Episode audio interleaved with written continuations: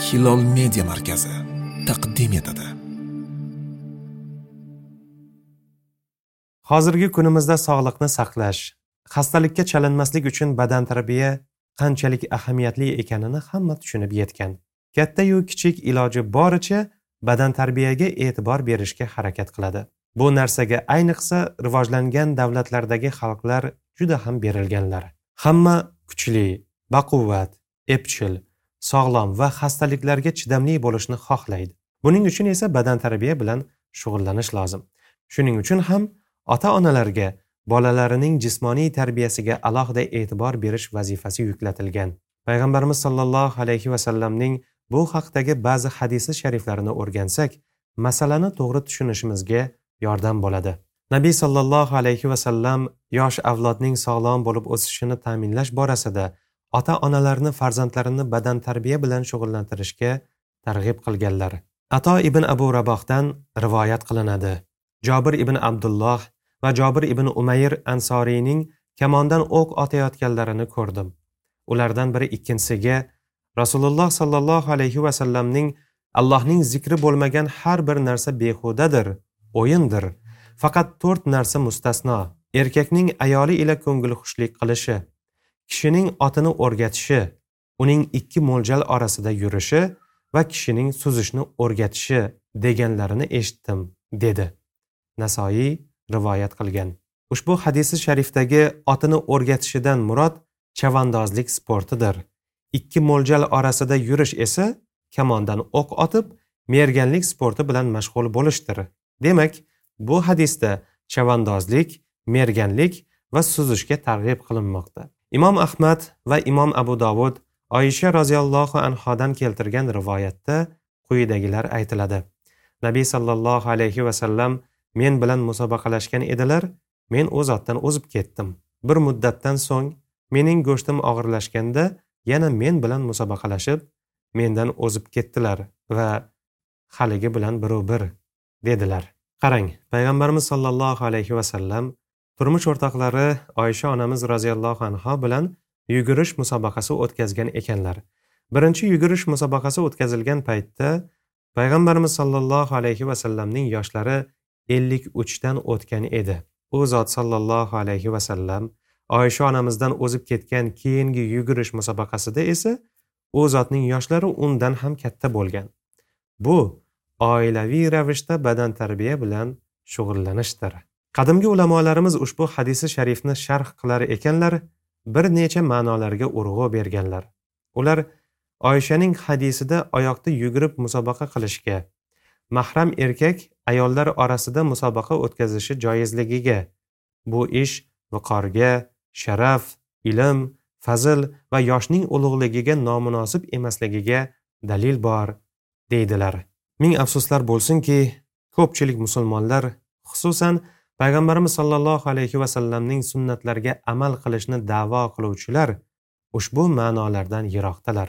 Ular badan tarbiya bilan shug'ullanishni viqor sharaf ilm fazil va yoshning ulug'ligiga nomunosib deb biladilar.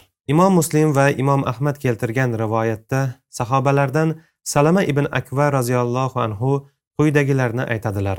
Biz yo'lda yurib borar edik. Ansoriylardan musobaqada hech yengilmagan bir kishi madinagacha musobaqalashuvchi bormi? Qani kim musobaqa qila oladi? deya boshladi. Hurmatli kishining hurmatini sharaflining sharafini rioya qilmaysanmi? dedim. Faqatgina rasululloh sollallohu alayhi vasallamni dedi. Ey allohning rasuli ota onam sizga fido bo'lsin. Qo'yib bering shu odam bilan musobaqalashay dedim. Xohishing bo'lsa mayli dedilar u zot. Madinaga undan o'zib yetib bordim. Ushbu rivoyatdan payg'ambarimiz sollallohu alayhi vasallamning sahobalari ichida doimiy ravishda sport musobaqalari bo'lib turganini bilib olamiz.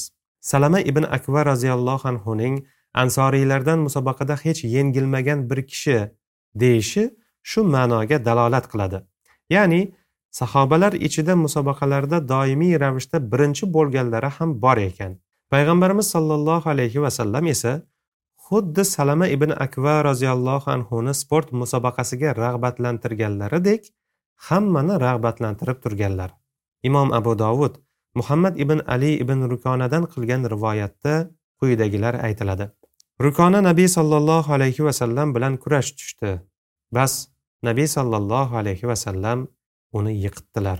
Ulamolarimiz ushbu kurash musobaqasi haqidagi hadisi sharifning o'ziga xos qissasini ham rivoyat qiladilar. Imom abu dovudning rivoyatida bu qissa quyidagicha bayon etiladi. Nabiy sollallohu alayhi vasallam badhoda edilar. U zotning huzurlariga rukona ibn yazid qo'y echkilarini haydab keldi va ey muhammad men bilan kurashga tushasanmi? dedi. Sovringa nima qo'yasan? dedilar. Qo'ylarimdan birini dedi.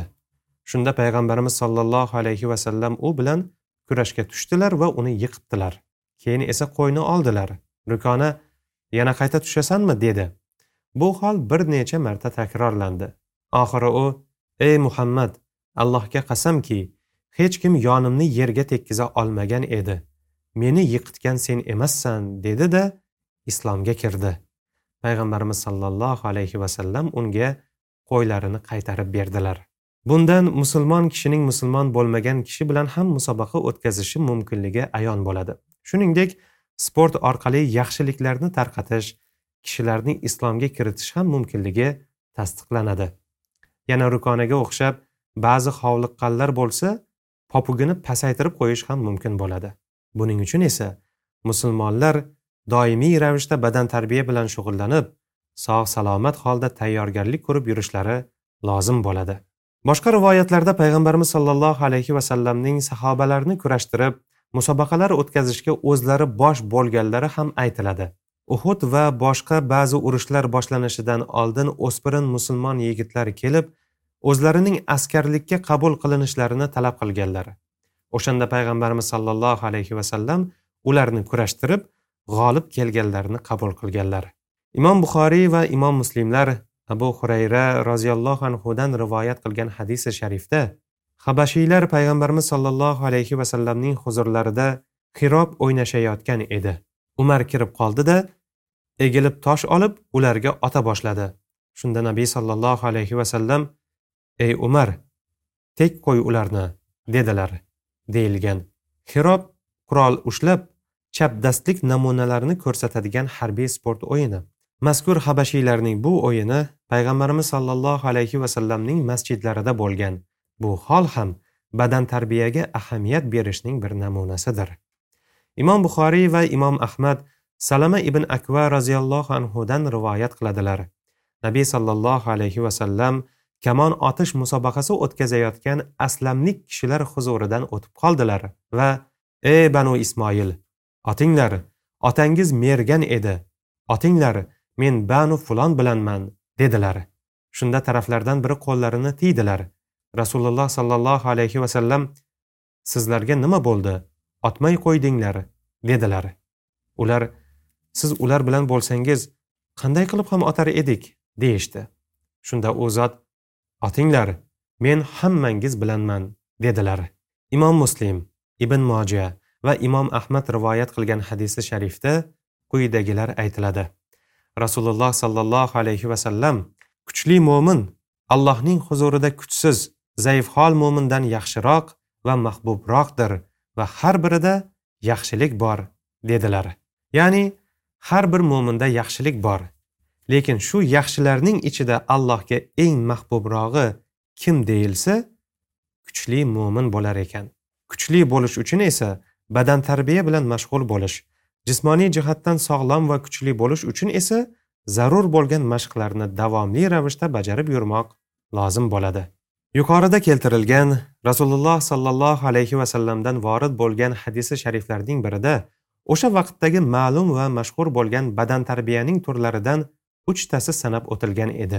Yana bir hadisi sharifda ham u zot sollallohu alayhi vasallam ana shu sport turlarini farzandlarimizga o'rgatishni buyurib bolalaringizga suvda suzishni kamonda otishni va ot minishni o'rgatinglar deganlar. Mo'min musulmon ota onalar bolalariga shunga o'xshagan narsalarni o'rgatib borishlari tavsiya qilingan. Rasululloh alayhissalomning o'zlari yosh bolalarni kurashtirib ko'rganlari kurash musobaqalarini uyushtirganlari haqida ham yuqorida so'z yuritildi. Bu ma'nolar yaxshi ma'nolardir. Ammo o'ylab ko'radigan bo'lsak islom o'zining butun borlig'i bilan harakat dinidir. Unda harakatsiz hech narsa bo'lmaydi. O'ylab ko'ring bir vaqt namoz o'qish uchun inson qanchalar harakat qiladi? Saharda uyqusidan turib tahorat qilib namoz o'qiydigan joyiga borib ikki rakat namoz o'qigunicha odamning har bir bog'ini qanchadan qancha harakatlarni amalga oshiradi? Ro'za ham shunga o'xshash. Saharlikka turiladi harakat qilinadi xuftonga qo'shib yigirma rakat taroveh namozi o'qiladi. Haj va umra esa asosan jadal harakatdan iborat ibodatlardir. Bularning hammasi sog'liq uchun foydali ekanini bugunga kelib musulmon bo'lmagan odamlar ham anglab yetishdi. Assalomu alaykum va rahmatullohi va barakatuh.